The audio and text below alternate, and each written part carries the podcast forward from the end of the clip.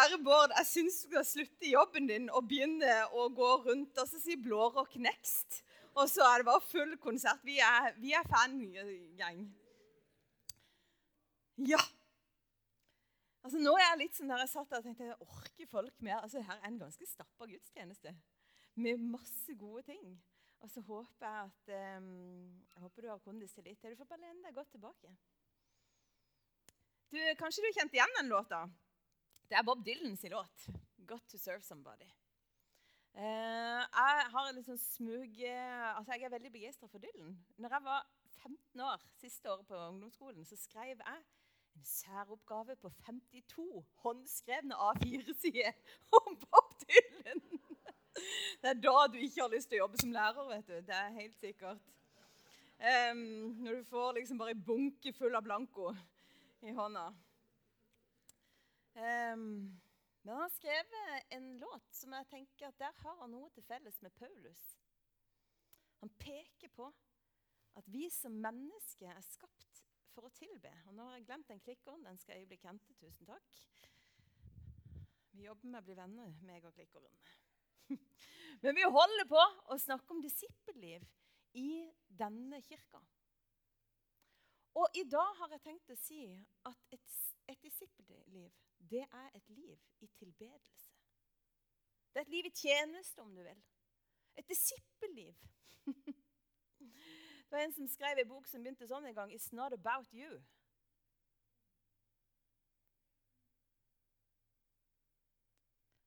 Og så kan det være at du kjenner at det strammer seg litt når jeg begynner sånn. Kanskje du har masse forskjellig erfaring med kirke eller tjeneste. eller Håper at det skal løsne litt i løpet av talen. Men jeg tror at det er sant. Ikke fordi at eh, vi må en haug av ting, men jeg tror vi er skapt til det. Jeg tror det bor innerst i oss. Så tror jeg at vi er invitert til å tilbe. Og um, I klosterlivet så sier de 'åra etter båra'. Bønn og arbeid. Kanskje er det en god oppsummering av det å være en tilbeder. En som ber, som snakker med Gud, har et vennskap med ham, Og som jobber sammen med ham. Og Det går jo egentlig tilbake til Edens hage. Hva er det Edens hage? Hva er det Gud egentlig inviterer til, mennesket til? Han inviterer det til å være sammen, ha fellesskap, snakke sammen Og være med på å ta vare på den verden som er skapt. Sånn at Guds rike blir det som veller ut ifra hans hjerte.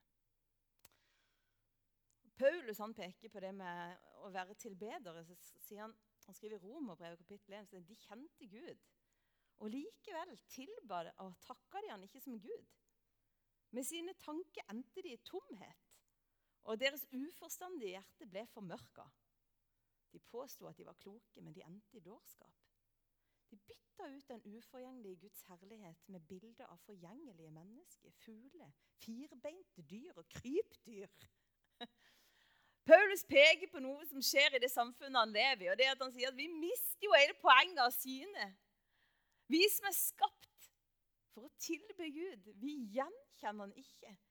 Selv om vi har hørt om han, vi kjente Gud, altså mennesket, men vi glemmer å bøye oss mot Han. Vi tilber så mangt. Vi dyrker kropp. Vi dyrker utseende, hobbyer, idoler. Og Den gangen så hadde samfunnet de hadde liksom sånne, Det var kanskje litt lettere. De hadde veldig sånn fysiske guder. De hadde noen kuer, og så hadde de noen apekatter. og så hadde de sånn... Hva er det som er i vår tid? Det er kanskje litt mer sånn subtilt. Snike seg inn. Kanskje er det teknologi. Kanskje er det ideologi. Kanskje er det noe annet. Hva er det vi tilber? Det er litt det jeg driver og spinner på akkurat nå. Kanskje vi tilber eh, verdier. At det er noen verdier som er så viktige for oss.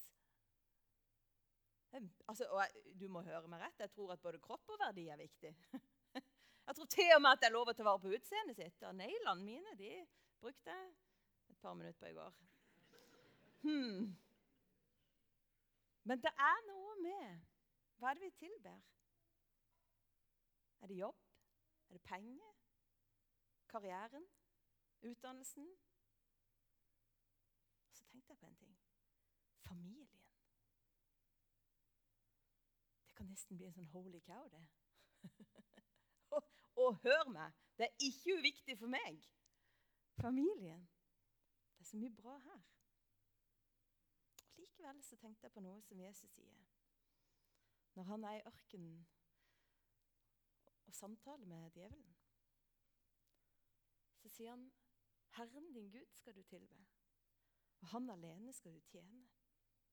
Så står det masse om å tjene hverandre, så du må på en måte velge å tolke meg i beste mening her. Men dette sier Jesus. Og Like etterpå så snakker han om at Faderen ønsker sanne tilbedere. Og Derfor tenkte jeg vi er nødt til å si noe om å tilbe. At vi er skapt for å tilbe. Hva er å tilby, tilbe da? Vi kan si at å tilbe det er å sette noe eller noen i sentrum for vår oppmerksomhet. Eller i sentrum for hjertet vårt. Det er liksom det som, som jeg plasserer, som jeg har øynene mine festa på det tilber jeg. Det strever jeg mot. Og i dag, Jeg vet ikke hvordan du har det med kirkeåret. Kanskje du allerede har lagt merke til det hvis du har vært her en stund, at jeg er glad i kirkeåret. I dag er det Maria budskapsdag. Den dagen blir finere og finere meg, for meg jo mer jeg tenker på den. Tenk på denne unge jenta der. Kanskje 15 år, 16, hvem vet. Jeg sitter inne med, eller står her og håper at hun ikke var yngre. Vi vet jo ikke det, sant? men ung var hun. Fattig var hun, det vet vi jo ut ifra teksten. ung og fattig. Og så får hun altså fra himmelen. Da kommer Gabriel til henne, og så sier han, 'Vær hilset, Maria, du som har fått nåde hos Gud.' Og så sier han at Den hellige ånd skal komme over deg, og du skal bli med barn. Og Reaksjonen til Maria er jo veldig nydelig. Og ut, altså, Hun er jo ikke dum, den jenta der. Hun sier jo eh, ja, Hvordan skal dette gå til? Et legitimt spørsmål. Men så, det er da han sier Herrens ånd skal komme over deg. Og da sier Maria, se, jeg er Herrens tjenestekvinne. La det skje med meg som du har sagt. Og så forlot engelen henne. Hva er å tilbe? I salmen kan vi lese at å tilbe, det er å bøye seg. Tilbe er å bøye seg. Vi sier det ofte når vi skal synge, og det er sant. Men det er mye større enn det. Å tilbe, det er å bøye seg. Og det er akkurat det Maria gjør her.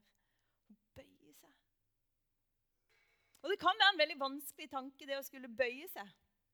For jeg kan bli mer opptatt av hva, hva er det jeg må bøye meg fra. Oi, Hvis jeg skal, hvis tilbe å bøye seg, og jeg skal liksom leve, leve, mitt liv som en lovsang, så det hører vi av og til bli spilt. Hva er det jeg må bøye meg fra? Det er kanskje noen ting. Men det som er mye viktigere, er jo kanskje hva jeg bøyer meg til. Jeg tror det er at noe som er vanskelig med, med tilbedelse, eller med de tankene som har med å bøye seg, det er kanskje frykten inni oss. Hva mister jeg nå? Hva er det jeg mister? Mister jeg fritida mi? Mister jeg pengene mine? Mister jeg kontrollen? Hva er det jeg mister for noe hvis jeg velger å bøye meg? Og så tror jeg kanskje at vi stiller feil spørsmål, da. For hvem er det jeg bøyer meg for? Hva er det jeg bøyer meg til? Ofring er jo sånne ting som vi har litt, sånn, litt anspent forhold til. Skulle ofre noe. Det høres jo veldig smertefullt ut. Forferdelig å skulle ofre noen ting. Skal jeg ofre? Skal jeg ofre mine timer? Skal jeg ofre min Men vet du hva? De ordene som er for ofring i Det gamle testamentet, de er ikke så negativt som på, i det norske språket. Å tilbe eller å ofre Det er ett et ord som jeg syns var litt sånn gøy når jeg lærte det, for det er sånn Allah. Kjenner du det igjen? Allah.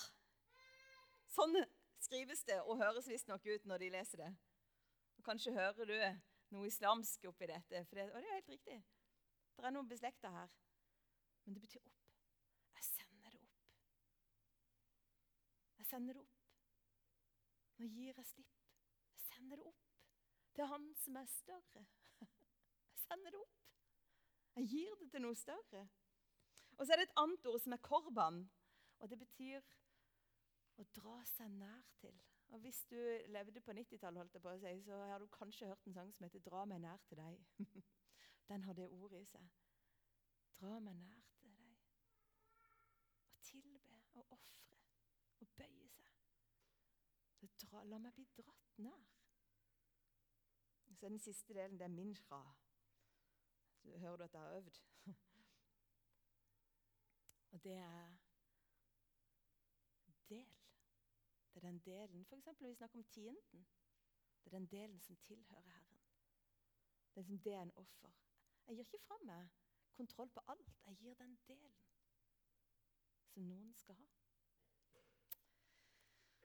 Å tilbe er å bøye seg. Og det har Det har med å anerkjenne at noen er større. Og det har kanskje noe med ofring å gjøre. For hva er det Maria gjør? Hun risikerer ganske mye. Hun bøyer seg for Guds vilje, men hun risikerer jo alt på et vis. Hun risikerer jo ryktet sitt. Hun risikerer kanskje vennskap. Hun risikerer i hvert fall familielivet sitt. Hun er helt avhengig av at noen tror på dette. Kanskje risikerer hun til og med ekteskap. ekteskapet. Det gjør hun jo. Hun setter jo risikoen ganske høyt, egentlig. Men så har hun et møte fra, med himmelen. Tilbe er å bøye seg. Og jeg tenkte sånn, Noen ganger så har jeg kanskje gitt Gud noen løfter, og så har jeg trukket meg. Og det kan jo ikke Maria! tenkte Noen ganger, Vi er sikkert mange her inne som har sagt ja til Jesus på et eller annet tidspunkt. Det skal jeg gjøre, Jesus, Og så skjedde det ikke. Det bare falt ut. Det, det kunne jo ikke Maria. Det var liksom now or never. Så var det gjort. Fra den dagen så vokste Jesus inn i livet sitt. Og frukten ble til velsignelse for en hel verden. Tenk det. Det er jo så sterkt. Jeg tenker at Maria har tillit. Hun velger å vise tillit, og derfor bøyer hun seg. Og Jeg vet ikke hva hun følte. Kanskje var hun redd, kanskje var hun spent, kanskje var hun glad, kanskje var hun i tvil. Hvem vet. Men så drar hun i hvert fall opp i fjellbygda og besøker hun Elisabeth, som er kusina hennes. Og Hun har òg blitt gravid ved et under, og ved Zakaria, da, mannen. Så her er det liksom noen forskjeller. Um, men idet Maria kommer inn, så skjer det et aldri så lite vekkelsesmøte. Idet hun kommer inn til Elisabeth, så står det at Elisabeth hørte Maria sin hilsen. Hello, eller shalom, var det sa. Shalom. Eh, da sparka barnet Johannes i magen sin, og hun ble fylt av Den hellige ånd. Og så ropte hun høyt. Velsigna er du blant kvinner, og velsignet er frukten av ditt mors liv. Og da da skjer det noe med Maria. Og jeg synes det er så fint, for jeg ser for meg at hun, har, hun har stått og møtt Gabriel. Ja, hvordan skal dette gå til? Og Kanskje har hun ikke kjent så veldig mye oppi den magen ennå, men hun har jo hatt et møte, og hun sa jo ja. Og så kommer hun dit. Og jeg tror ikke hun kan ha vært forberedt på det. Men Den hellige ånd er til stede i det fellesskapet som er mellom de tre. Elisabeth, Maria og Johannes i magen.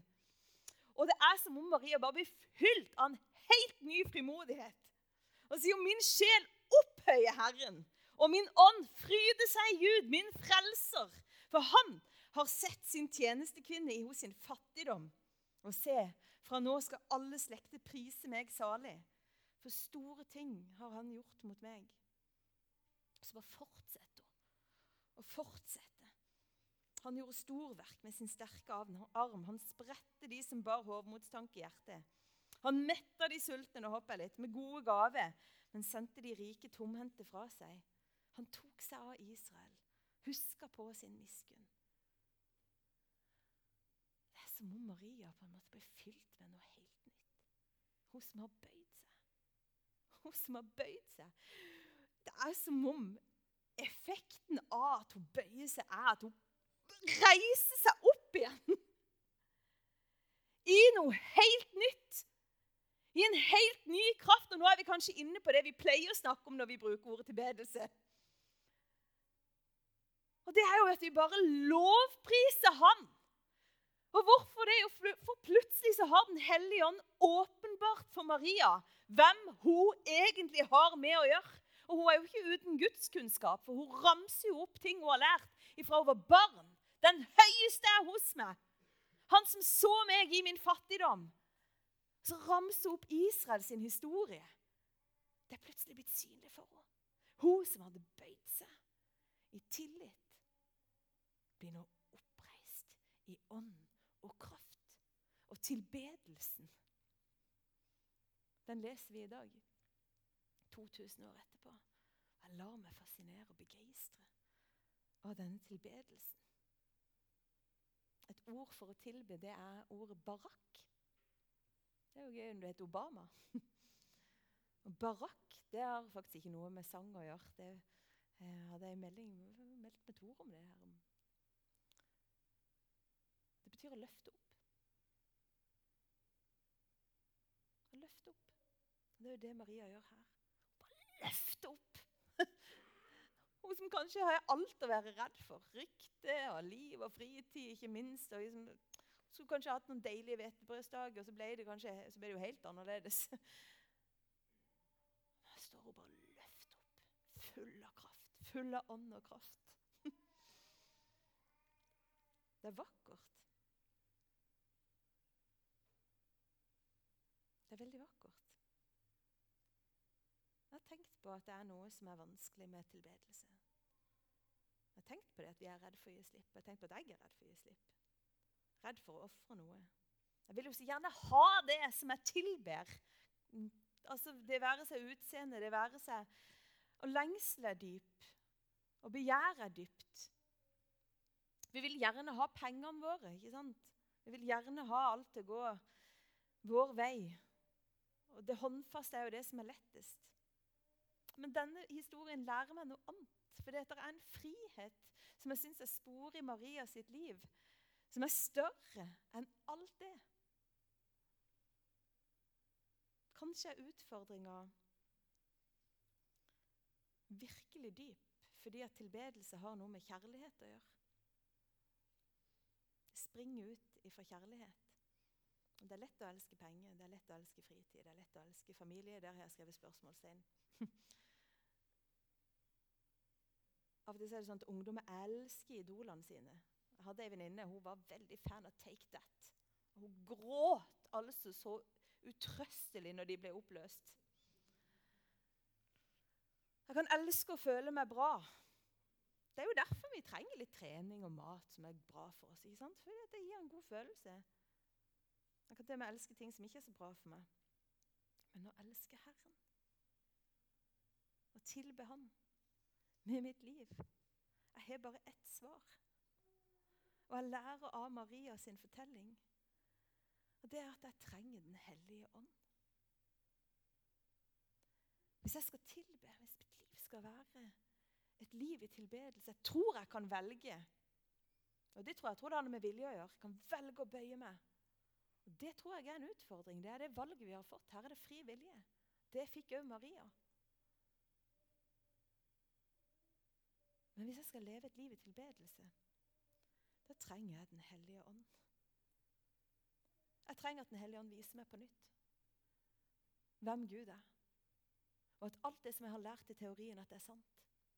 Og jeg hadde, altså For ikke så lenge siden så var det VM av langrenn, og Norge var dritgode. Men jeg var her på gudstjeneste da når det gikk noen gøye løp. Jeg føyk rett hjem. Prøvde å ikke få sett på noen overskrifter på eh, avisen. Og så gjorde jeg nesten sånn. Og så gikk jeg tilbake, og så trykte jeg play. Og så så jeg hele løpet. Sånn at jeg fikk del i den gleden da, som de andre hadde hatt. Idet Klæbo går inn til andreplass. Men skjønner du? Jeg trenger av og til at Den hellige ånd trykker play igjen for meg. Jeg trenger at han åpenbarer for meg på nytt hvem det er jeg har med å gjøre. Og at han er den han sier at han er, at han er levende. Jeg trenger at Den hellige ånd virker inni meg. Så jeg kjenner at dette lever. Det er ekte. For hvis ikke, helt ærlig, da tror jeg ikke Jeg tror ikke jeg kommer til å stå her så mye lenger. Det Går bra med meg, altså. Men skjønner du, jeg holder ikke ut, og dere har ikke lyst på en pastor.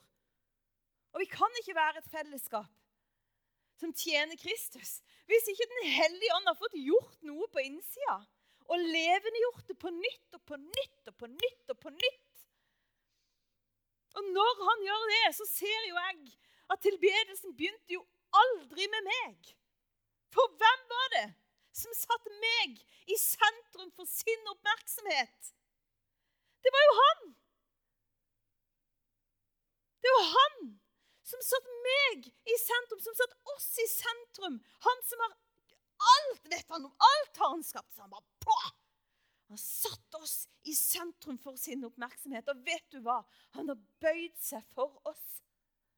Han har bøyd seg ned til oss. Hvem er det som bøyer seg først? Det er ikke meg. Det er han. Han har bøyd sitt liv helt ned til døden for oss. Så er han den som løfter oss opp igjen. Han er den som alltid har løfta opp det svake, som ingenting er i menneskets øyne. Han løfter meg opp, og han gjør det igjen og igjen. Min kjærlighet og min tilbedelse kan aldri være bare på trass og på vilje. Det er et gjensvar. Det er et speil av det han allerede har gjort. Og Derfor så trenger jeg at Den hellige ånd gjør det nytt og nytt. og nytt. For jeg skal love deg det at det er andre ting som så fort fanger min oppmerksomhet. Og som tar min tid. Og Vi har noen, mye musikk. Jeg begynte med musikk og skal avslutte med musikk i denne eh, talen. Men kanskje har du hørt om et annet band som heter U2. De hadde en veldig kjent låt som heter 'Vertigo'. Og Der synger Bono I can feel your love teaching me how. Your love is teaching me how. How to kneel. Og Når han blir intervjua om, om, den sangen, så, så sier han For de, de, ble jo veldig populære, de her. Han fikk masse, liksom, masse penger, masse muligheter. Og så sier han jeg så for meg vertigo, som sangen heter, som bare et sted fullt av fristelse. Men midt der så møtte jeg ei jente som hadde et kors. Og idet jeg så det korset, da skjønte jeg at jeg må knele. For han som er større enn alt det andre som er rundt meg. Og jeg tenker, Kanskje gjør vi det for lite. Kanskje du syns vi reiser oss litt mye i denne kirka her. Men kanskje vi bøyer oss for lite. Kanskje vi er for lite på kne. Jeg vet ikke. Jeg vet bare én ting, at jeg trenger til å gjøre det levende. For hva er det som skjer når et folk begynner å tilbe? Hva skjer? Hva skjer når Maria tilber? For så bøyer hun seg, og så reiser hun seg. Og så kommer jo frelsen til hele verden. Hva er konsekvensen av et folk som tilber? Jo, det er jo at Guds godhet blir tilgjengelig for alle. I våre nabolag, i vår, på vår jobb, i vår familie og på dette stedet og i Tromsø. Ja, det tror jeg. Hva er resultatet av et folk som tilber? Jeg tror det er et helt folk som blir frelst. Og nå skal jeg be, og så skal vi tilbe. Og vi skal lovprise Gud sammen. Og så kan du få lov til å bare snakke med Jesus om det som blir viktig for deg. Herre, jeg takker deg for det at du lærer oss å tilbe gjennom eksempel, Herre. Og vi er dine disipler, Herre, når vi skjønner hva du har gjort for oss. Og går i dine fotspor, Herre. Vi kan ikke, det begynner ikke med oss, Herre. Det begynte alltid med deg. Du som har bøyd deg ned til oss, Herre. Du som har bøyd deg for oss, Herre. Hjelp oss til å bli et folk som bøyer seg for deg i det store, Herre, og når vi møter deg i hverandre, Herre. Hjelp oss å løfte opp ditt navn. Og opphøye deg, Herre. Og Hellige Ånd, vi er så dønn avhengig av deg. Det er du som levende gjør. Så nå trenger vi at du berører hjertene våre. I Jesu navn. Amen.